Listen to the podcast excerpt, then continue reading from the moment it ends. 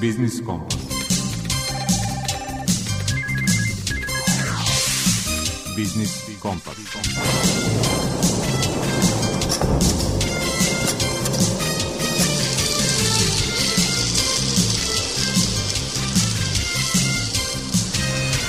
Pred mikrofonom je Đuro Vukelić. Dobar dan poštovani slušalci. Rekao smo u prethodnim emisijama kako u našoj zemlji rastu industrijska proizvodnja, spoljnotrgovinska razmena, ali i inflacija. Narastaju i neizvesnosti oko raspleta ili novog zapleta ekonomske krize, kao posledice rata u Ukrajini i oko nje. Jedan od segmenta te krize je energetika i naglašena pažnja obnovljivijim izvorima energije, a koja bi pokretala i vozila. O budućnosti e mobilnosti u Srbiji u rubrici Aktuelno razgovarat ćemo sa Darkom Zeljkovićem iz kompanije Schneider Electric. Gost autor rubrike iz mog ugla je profesor sa Beogradskog ekonomskog fakulteta Dragan Lončar. Govorit će o višetalasnoj globalnoj ekonomskoj krizi i njenom odrazu na našu zemlju. Grad Novi Sad je raspisao javni poziv za subvencionisanje sertifikacije proizvoda sa geografskim poreklom. O uslovima govori naša saradnica iz regionalne razvojne agencije Bačka, Marija Prokopić. Hipoteka nad nepokretnošću najčešće je obezbeđenje kod stambenih kredita. Pod kojim uslovima je možete zameniti i kakav je postupak kada isplatite kredit – Posavetovat će vas viši savjetnik u Narodnoj banci Nikola Đukić. Najavljeno donošenje nove uredbe o energetski ugroženom kupcu tema je rubrike Potrošačka korpa prava i izlaganja pravnog savjetnika u Udruženju za zaštitu potrošača Vojvodine Mladena Alfirovića. Toliko o sadržaju emisije, malo muzike.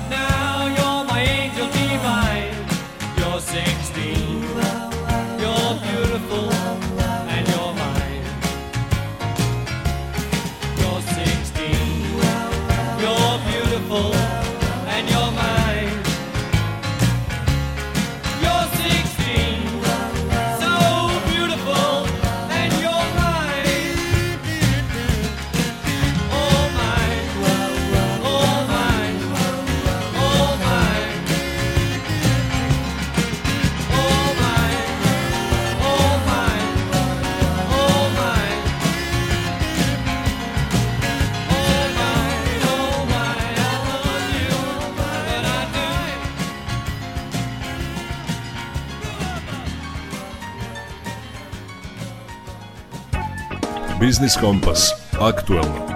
Od 30.000 novih vozila registrovanih lane u Srbiji, samo 120 ih je na električni pogon. Pa ipak, električni automobili su uprkos znatno višoj ceni privukli podjednaku pažnju posetilaca Beogradskog sajma automobila kao i konvencionalni. Važan uslov za veću upotrebu električnih vozila je i brojnost punjača. Kompanija Schneider Electric je širom Srbije instalisala 300 punjača za električna vozila, a to čine i druge firme. Menadžera ponude u Schneider Elektriku Darka Zeljkovića pitali smo da li to znači da se Srbija u pogledu razvoja e-mobilnosti kreće u dobrom pravcu. Definitivno jeste, ne samo što je naša kompanija instalirala, tu postoje na našem tržištu i druge respektabilne kompanije koje se takođe bave električnim punjačima, instaliraju svoje proizvode širom ovaj, Srbije, pogotovo kad posmatramo uopšte taj ceo sistem elektromobilnosti, punjači jesu svakako najvažniji deo, čak i ovi, uglavnom se sve ove naše politike trenutno prilikom ovaj, uopšte implementacije samih e, elektromobilnosti rukovode infrastrukturnim velikim punjačima. I to jeste jako važno da bi se razbila strah kod potencijalnih korisnika od tog dometa, da li će moći na autoputu da napune, ne pa ste videli da su i naša javna preduzeća učinila napor da instaliraju duž autoputa adekvatan i dosta značajan broj brzih, vrlo brzih punjača Međutim, mi u kompaniji Schneider Electric, pored toga što se naravno bavimo i nekim segmentom brzih punjača, naš fokus stavljamo na razvoj nazovimo ih kućnih punjača i punjača za komercijalne i industrijske objekte. Jer definitivno će pravac razvoja elektromobilnosti ići u tome da se skoro svaki put će punjenje, preko 95% punjenja običnog čoveka ili odnosno poslovnog čoveka biti na mestu, na nekoj destinaciji. Ja to volim da kažem kad obično pričamo o tome koliko traje punjenje, jer je to obično neko i uglavnom pitanje koga se svi plašimo, koliko nam treba da držimo auto ovde, punjenje traje dva puta po 30 sekundi, koliko vam treba da razvučete kabel iz svog gepeka do punjača i da ga posle toga spakujete. Sve između je promena vaše navike vi kao korisnik elektroautomobila idete sada na mesta gde postoje punjači gde možete da se napunite. Ne idete više da biste se punili, nego ćete se puniti tamo gde stanete. I zato idu sve više komercijalni objekti tipa shopping molova, e, tržnih centara, većih e, parkinga javnih površina i to u instalaciju e, AC punjača, odnosno punjača preko neizmenične struje do 22 kW, jer je to neko vreme da vi za 2-2,5 sata da se sad zadržite u nekom komercijalnom centru, u tržnom centru sa svojim detetom pojedete neki sendvič, pojedete, pogledate neki film, vi ste tu 2-2,5 sata, sasvim dovoljno da napunite svoj auto. S druge strane kući, vlasnici električnih automobila sigurno instaliraju i neki punjač i oni ga preko noći u doba jeftinije tarife pune i ujutru su oni spremni da krenu na put, a naravno ako je mreža i infrastruktura punjača ovaj, podržava razvoj elektromobilnosti u jednoj zemlji je plus više. Srbija definitivno ide krupnim koracima i mislim da ćemo čak i mnogo brže razviti ceo taj sistem elektromobilnosti nego možda neke zemlje kod nas u okruženju koje su, ajde da kažem narodski rečeno, preležale te neke bolesti dečije u svakom novom. Zbog čega tako mislite da imamo šansu da pove u susedstvu zemlje pretekne? Nije cilj preteći, nije uopšte cilj preteći možda ih nikad nećemo preteći jer su one nekako bliže, ali je cilj da ćemo mi mnogo brže uraditi ono što je njima trebalo 5, 10 ili 15 godina da stignu do, do stadijuma koji sada, mi ćemo to mnogo brže uraditi. Mi ćemo to možda uraditi za 2 ili 3 godine, jer definitivno vidimo i sve probleme i sve prednosti koje su te zemlje oko nas imale prilikom implementacije jednog sistema elektromobilnosti. Zašto to kažem? Mi obično pričamo o punjačima. Međutim, punjači su samo popularno rečeno vrh ledenog brega. Ispod punjača ima još mnogo drugih stvari koje treba postići da bi jedan sistem od zakonskih regulativa, od proizvođača električne energije, od distributivnih sistema. Mi sad imamo u Srbiji jedan, slobodno mogu da kažem, pasivan, zastareo distributivni sistem koji imamo krupnog proizvođača, distribuciju i imamo nekog malog korisnika električne energije. Sada ćemo svakako imati gomilu nekih raspoređenih mini distributivnih i proizvodnih sistema, pa sad imamo i novu uvedenu kategoriju prozjumera, proizvođač, potrošač, koji će na svojim krovovima od kuća imati neke solarne panele, imaće neke vetrogeneratore, gde ćemo tu obnovljivu energiju uspeti da iskoristimo i usmerimo u naš elektroenergetski sistem. Zato kažem, kompanija kao što je naša, fokus ne samo što daje na te krajnje tačke, destinacije, tačke gde ćemo se puniti, nego i sve ono što je potrebno da bi tako funkcionisali, takvi decentralizovani sistemi funkcionisali, mi dajemo softverska rešenja i napajanja koja mogu da upravljaju sa tim različitim opterećenjima. I da ih podrže i da budu još isplativije. Da budu još isplativije, još više energetski efikasne, razne razvodne sisteme da budu bezbedni, da budu sigurni za korisnika i da budu proširivi bez ikakvih problema, da sutra kad dodate nove tačke za punjenje vi imate jednostavno adekvatno, bezbedno i sigurno i pouzdano napajanje. Tu je druga zaštitna oprema, tu su razna softverska rešenja, tu je takozvani monitoring upotrebe, odnosno korišćenje električne energije, popularno rečeno energy management, dakle da vi možete da raspolažete, alocirate svoju raspoloživu energiju na eventualno punjenje vaših električnih automobila. Hvala vam za razgovor. Hvala.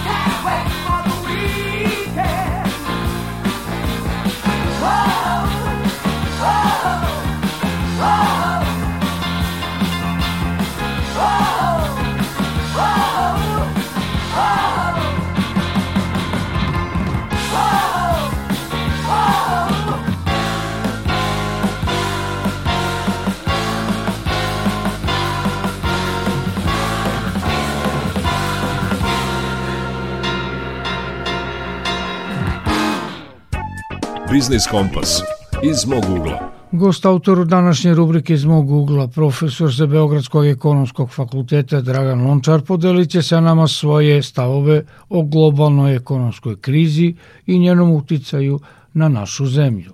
Potpuno je jasno da živimo u eri višestruke krize ili trostruke krize najmanje, Jedno je strukturna kriza svetske ekonomije koja praktično traje još od početka 2000. godine, odnosno da ne kažemo od septembra 2008. godine, kada se ispoljila takozvana seka, odnosno svetska ekonomska kriza ili velika finansijska kriza, koja nije u potpunosti zalečena u periodu nakon 2008. godine.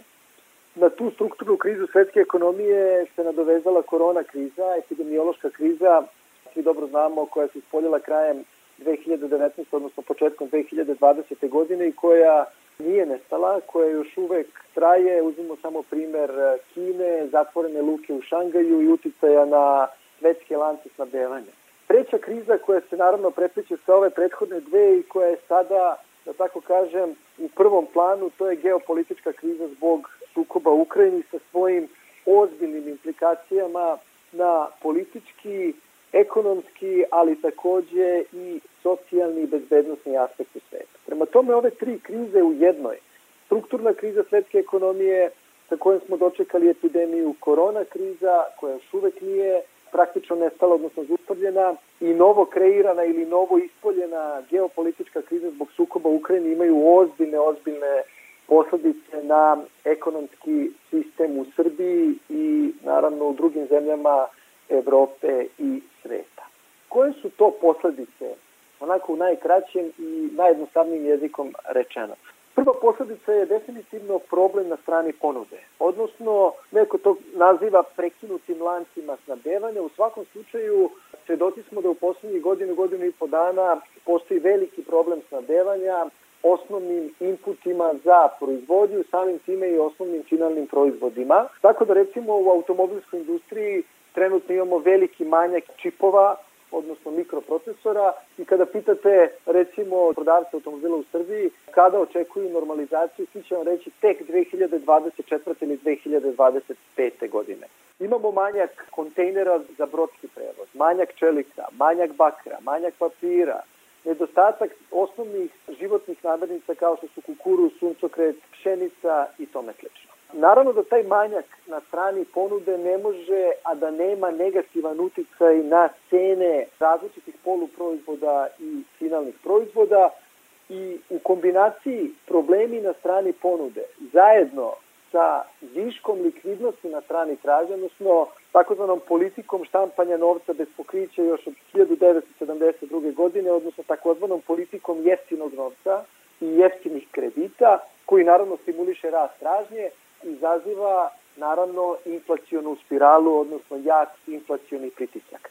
Znači imamo višak novca na strani tražnje, jeftine kredite na strani tražnje, sa druge strane imamo prekinute lance snabdevanja, manjak ponude na strani ponude i zajedno ova dva efekta moraju proizvesti naravno pritisak na rast cena. Praktično je došla na naplatu politika jeftinog novca kroz inflacijni porez i mi danas u Evropi imamo dosta zemalja Evropske unije koji imaju inflaciju godina na godinu čak i preko 10%.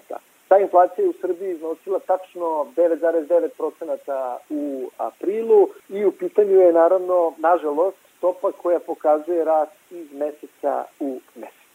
Ono što je posledica inflacije, ne moramo to naglašavati, jeste definitivno pad kupovne moći stanovništva, odnosno pad realnog dohodka, jer ako naš nominalni dohodak stagnira ili raste sporije od stope inflacije, mi za isti ili čak i veći novac možemo kupiti manje realnih dobara i naš životni standard pada. Druga posledica inflacije jeste obezvređenje novca generalno i ako recimo pogledate, ajde daćemo samo jedan primer, 100 funti iz 1950. godine je imalo istu kupovnu moć kao što ima danas 3700 funti.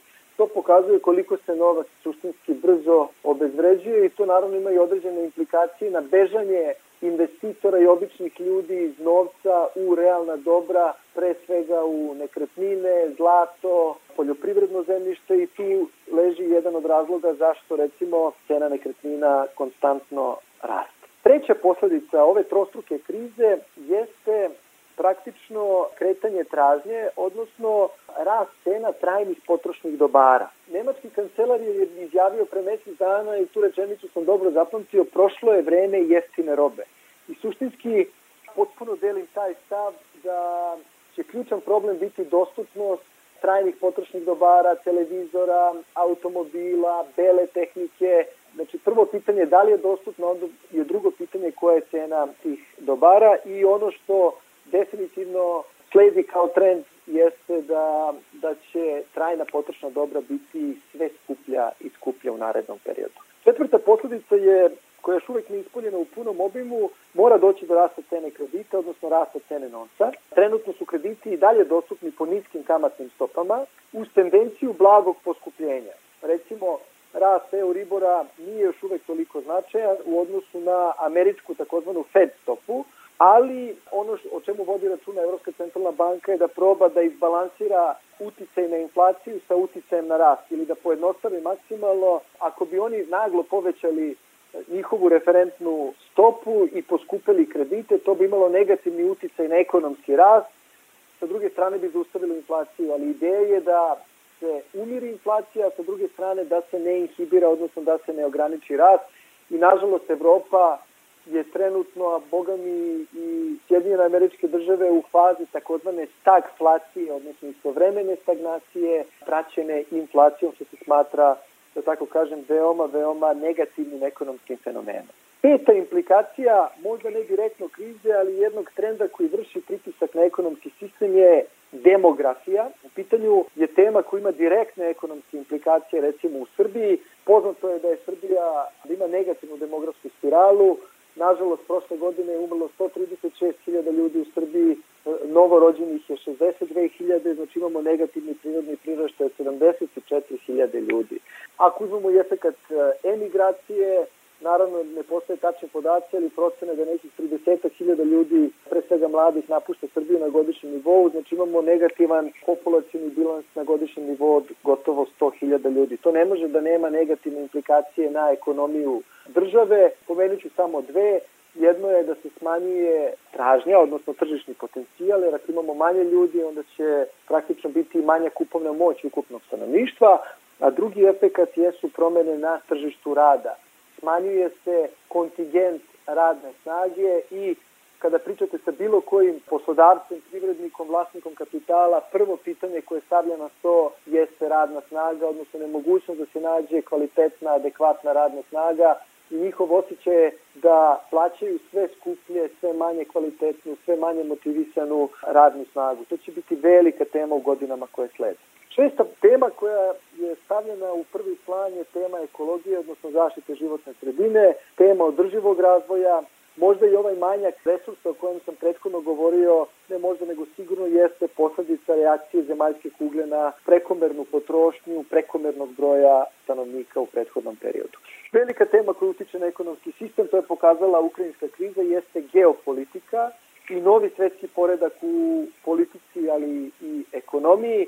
Vidimo koje su direktne implikacije ove geopolitičke krize koja nažalost ima sve dublji uticaj na čitav svet, javljaju se problemi u raspoloživosti energenata, u raspoloživosti osnovnih poljoprivrednih proizvoda, u raspoloživosti bazičnih metala, pojavljuje se rizik kreiranja dva odvojena sveta i naravno da bi svaki širi otvoreni sukup u svetskim razmerama imao nesagledive posledice dodatne po svetsku ekonomiju. Što se tiče Srbije, i time ću završiti, prošle godine Srbija imala odličan ekonomski rast, preko 7% rasta bruto domaćeg proizvoda, 3,5% je projekcija rasta BDP-a za ovu godinu, javni dug je ispod 60%, problem je naravno što više uvozimo nego što izvozimo, to peglamo sa druge strane visokim stranim direktnim investicijama koje su prošle godine iznosile blizu 4 milijarde dolara, inflacija nam je sada trenutno akutni problem,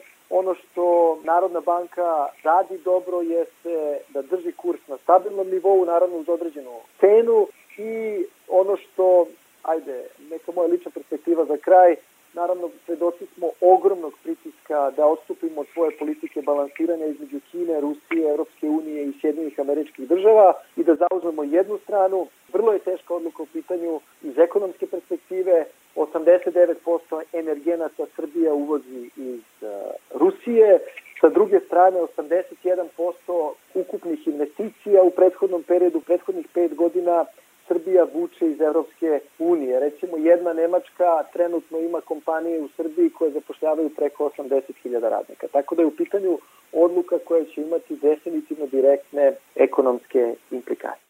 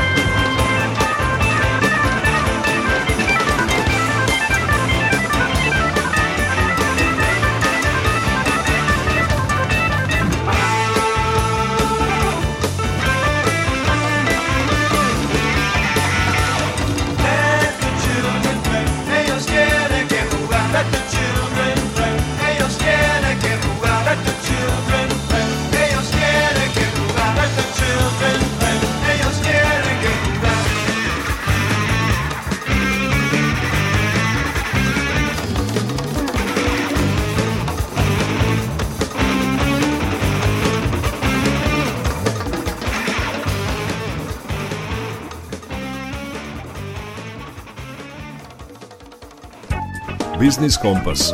Svet preduzetništva. Grad Novi Sad je ovih dana raspisao javni poziv za subvencionisanje troškova sertifikacije proizvoda sa geografskim poreklom.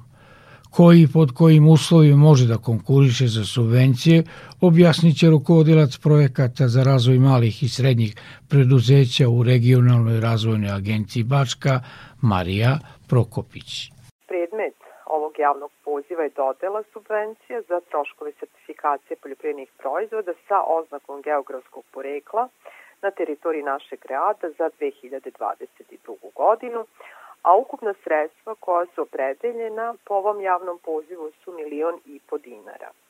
Inače, zašto se mogu sredstva koristiti za subvencionisanje dela troškova sertifikacije poljoprivrednih proizvoda sa oznakom geografskog porekla, čija će sertifikacija proizvodnje biti realizovana u ovoj godini od strane ovlašćenih organizacija. Subvencije će biti dodeljene ovlašćenim korisnicima oznake geografskog porekla poljoprivrednih proizvoda i to do 100% učešća, a po priloženom predračunu ovlašćene sertifikacione organizacije. Ko može da konkuriše? Isključivo ovlašćeni korisnici oznaka geografskog porekla poljoprivrednih proizvoda sa teritorije grada Novog Sada. Što se tiče potrebne dokumentacije, dopunjava se prijava, zatim važeće rešenje Zavoda za intelektualnu svojinu o priznajavanju statusa ovlašćenog korisnika oznake geografskog porekla, izvod iz APR-a za pravna lica ili registra poljoprivrednih gazdinstva o aktivnom statusu za 2022. godinu, znači ovo je za poljoprivredne proizvođače, zatim ugovor ili overena fotokopija ugovora sa akreditovovnom sertifikacionom organizacijom o vršenju kontrole i sertifikacije proizvoda sa oznakom geografskog porekla, zatim predračun za troškove kontrole i sertifikacije proizvoda, izjava podnosioca prijeve da nije koristio sredstva za iste namene od drugih nivoa vlasti. Inače, što se tiče roka podnošenja, jeste do 23. maja 2022. godine do 15 časova.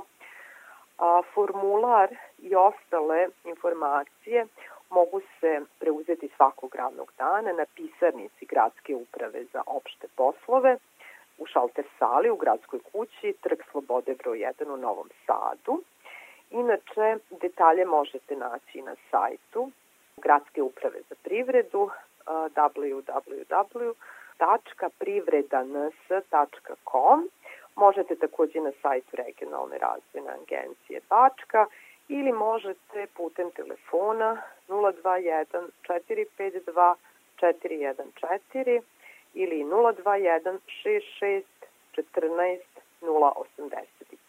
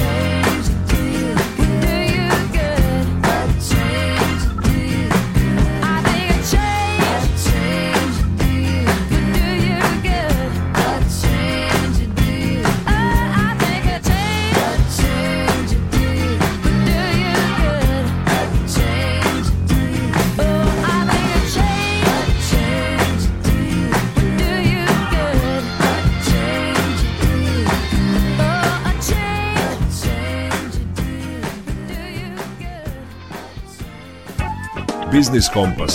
Predmet financije. Hipoteka nad nepokretnošću kod stambenih kredita se najčešće uspostavlja kao jedno od sredstava obezbeđenja. Pod kojim uslovima je možete zameniti i kakav je postupak kada isplatite kredit. Postavitovaće vas viši savjetnik u Narodnoj banci Srbije Nikola Đukić. Hipoteka je založno pravo na nepokretnosti koje ovlašćuje poverioca da ako dužnik ne isplati dugo dospelosti, zahteva naplatu potraživanja koje je obezbeđeno tom hipotekom iz vrednosti nepokretnosti e, pre običnih poverilaca i kasnijih hipotekarnih poverilaca, bez obzira u čiji svojini se ta nepokretnost nalazi. Dakle, potrebno da znate da nepokretnost na kojom se uspostavlja hipoteka mora biti uknjižena u zemljišne knjige, kao i da se utvrđenske tržišna vrednost te nepokretnosti. Procenu te vrednosti vrši ovlašćeni sudski veštak. Vaša kreditna sposobnost ne zavisi od vrednosti hipotekovane nepokretnosti, već od vaše sposobnosti da dug otplatite iz drugih prihoda, a to su najčešće redovni mesečni prilivi po osnovu zarade. Hipoteka se upisom u nadležni registar nepokretnosti i ako dužnik ne isplati dug po dospelosti, banka ima pravo da pokrene postupak aktiviranja hipoteke koji se sprovodi kroz nekoliko koraka i možda potraje određeno vreme, jer zahteva poštovanje i sprovođenje zakonske regulative. Dakle, banka ne može da kažemo tek tako da aktivira hipoteku, već mora da počne sa slanjem opomene, pa dakle op, konačna prodaja nepokretnosti, pri čemu postoji mogućnost da zbog promene cena na tržište nepokretnosti, cena koja se postigne prodajom e, nije dovoljna za, za namirenje potraživanja banke u potpunosti.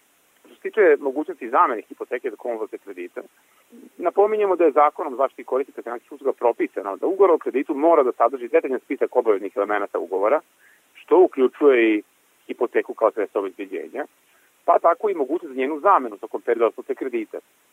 A isto tako mora da sadrži i uslove aktiviranja hipoteke u slučaju izmirivanja obave. Dakle, u toku otplate kredita moguća je zamena predmeta hipoteke, odnosno nepokretnosti, drugom nepokretnošću i ona se može izvršiti ako postoji saglasnost volja kako dužnika, tako i poverioca, odnosno banke, da se ovaj predmet hipoteke zameni i to na način koji mora biti regulisan ugovorom o kreditu. S druge strane, ako ugovorom nije izrečito definisana obaveza banke da u toku otplate kredita izvrši zamenu, banka ima pravo da istu odbije, imajući u vidu da je propisima da određeno da se hipoteka na nepokretnosti može smatrati adekvatnim sredstvom obezbeđenja pod uslovom da je puno važno u skladu sa merodavnim pravom i da je upisana u zemljišne knjige. Od svega navedenog da se zavisi da li će banka prihvatiti zamenu hipoteke ili ne, zbog toga savjetujemo korisnike da prilikom zaključenja ugovora o stambenom kreditu pogledaju da li se odredba nalazi u ugovoru e, i eventualno od banke zatraže da se u ugovor ta odredba unese. Normalno ako postoji saglasnost banki za to kao, e, kao koje mi isplaćuju kredit. Ako se banki isplati dug po kreditu u celosti, ona je obavezna, dakle ima zakonsku obavezu da vam dozvoli brisanje hipoteke i to mora da učini ubrzo nakon isplate kredita. Dakle, govorimo o periodu do 30 dana moraju da se preduzme odgovarajuće aktivnosti, zato što korisnik kredita, odnosno lice koje je dalo možda hipoteku stan kao sredstvo obezbeđenja, ima pravo da nakon potpunog izvinenja obaveza prema banci po određenom ugovoru preuzme sva neiskorišćene sredstva obezbeđenja koje su dali po tom ugovoru, što naravno uključuje i hipoteku. Banka je dužna da korisnika ili davoca sredstava obezbeđenja pismeno obavesti o tome, dakle da je korisnik izmirio sve svoje obaveze i to mora da učini u roku od 30 dana od dana kada je izmirio te obaveze. Na kraju da se jednom posetimo na rizik koji svaki korisnik kredita snosi ako uspostavi hipoteku nad nekretninom kao sredstvo obezbeđenja. Uvijek je potrebno da imate u vidu da u slučaju neizmirenja obaveza s kojih može doći i zbog okolnosti na koje ne možete da utičete, banka u skladu sa propisanim postupom koji smo opisali može da aktivira hipoteku i proda nepokretnost u vašem vlasništvu. Dakle, morate uvijek biti svesni ove činjenice prilikom donošenja odluke o zaduživanju i odabiru kreditnog proizvoda.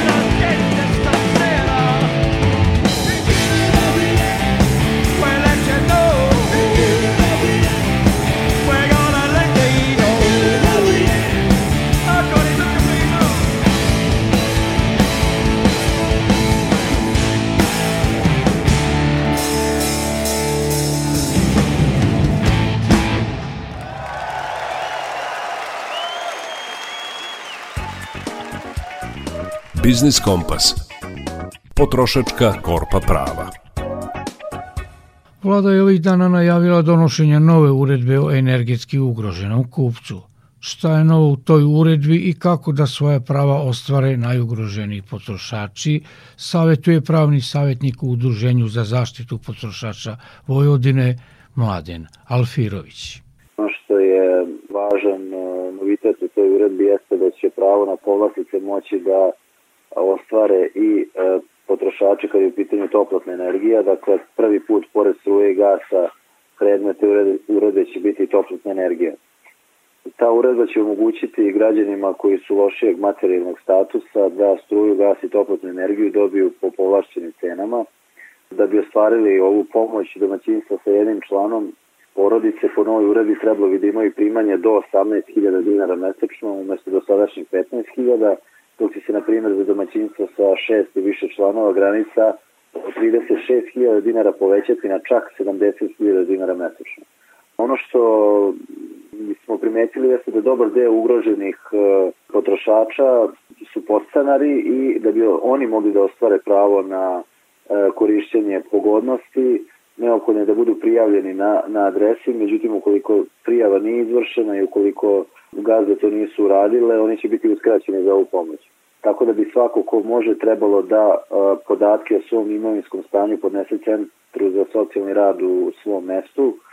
I takođe smo e, primetili da su potrošači generalno jako slabo informisani o uredbi o energetski ugroženom kupcu i zapravo ne znaju na koji način mogu e, iskoristiti te pogodnosti, tako da apelujemo na sve slušalce da e, se informišu kod svojih centara za socijalni rad da se raspitaju na koji način mogu podneti zahtev i ostvariti pravo na pogodnosti s obzirom na to da nas zaista u narednom periodu očekuje veliko poskupljenje e, energenata i zaista bi trebalo da se iskoristi ova mogućnost e, na osnovu nove uredbe čije usvajanje je planirano za, za predstojeći period. I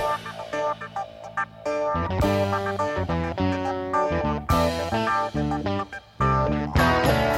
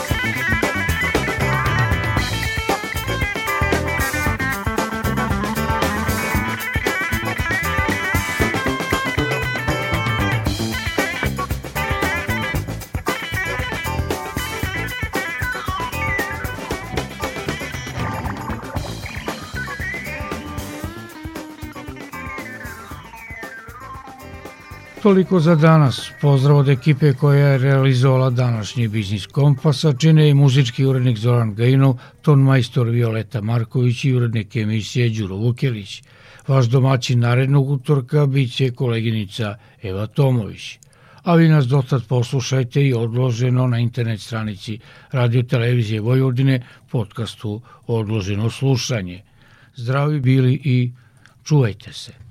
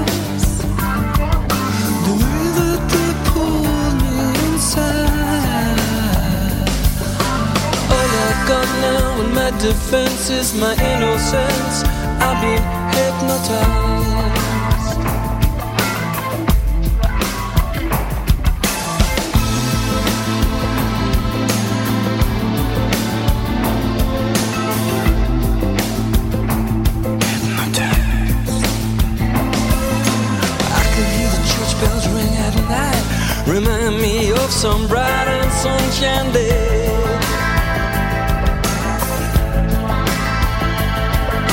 When all the pretty horses you would ride will come right back to feel your energy.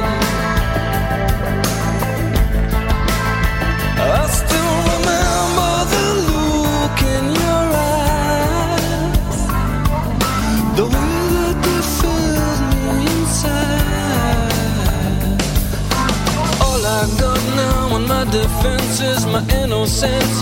I've been hypnotized.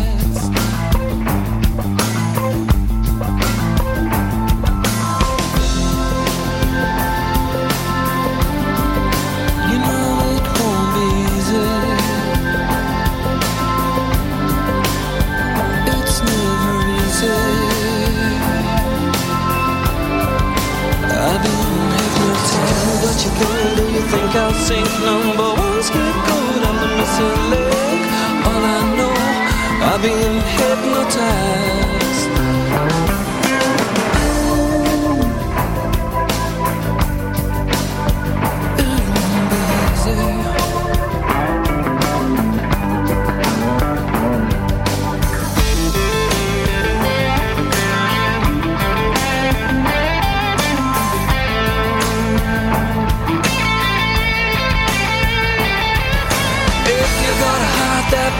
inside, let me get inside, let me tangle with the flame.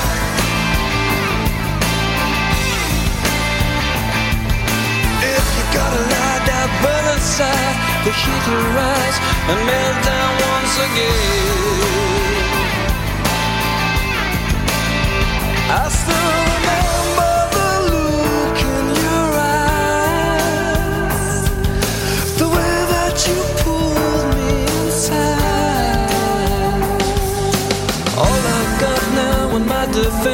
is my innocence. I've been hypnotized.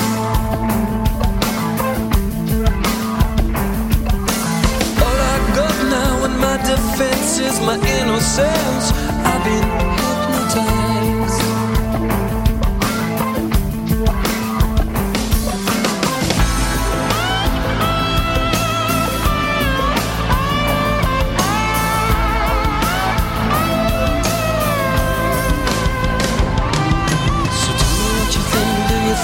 sing on for one skip code I'm the missing link. All I know, I've been hypnotized.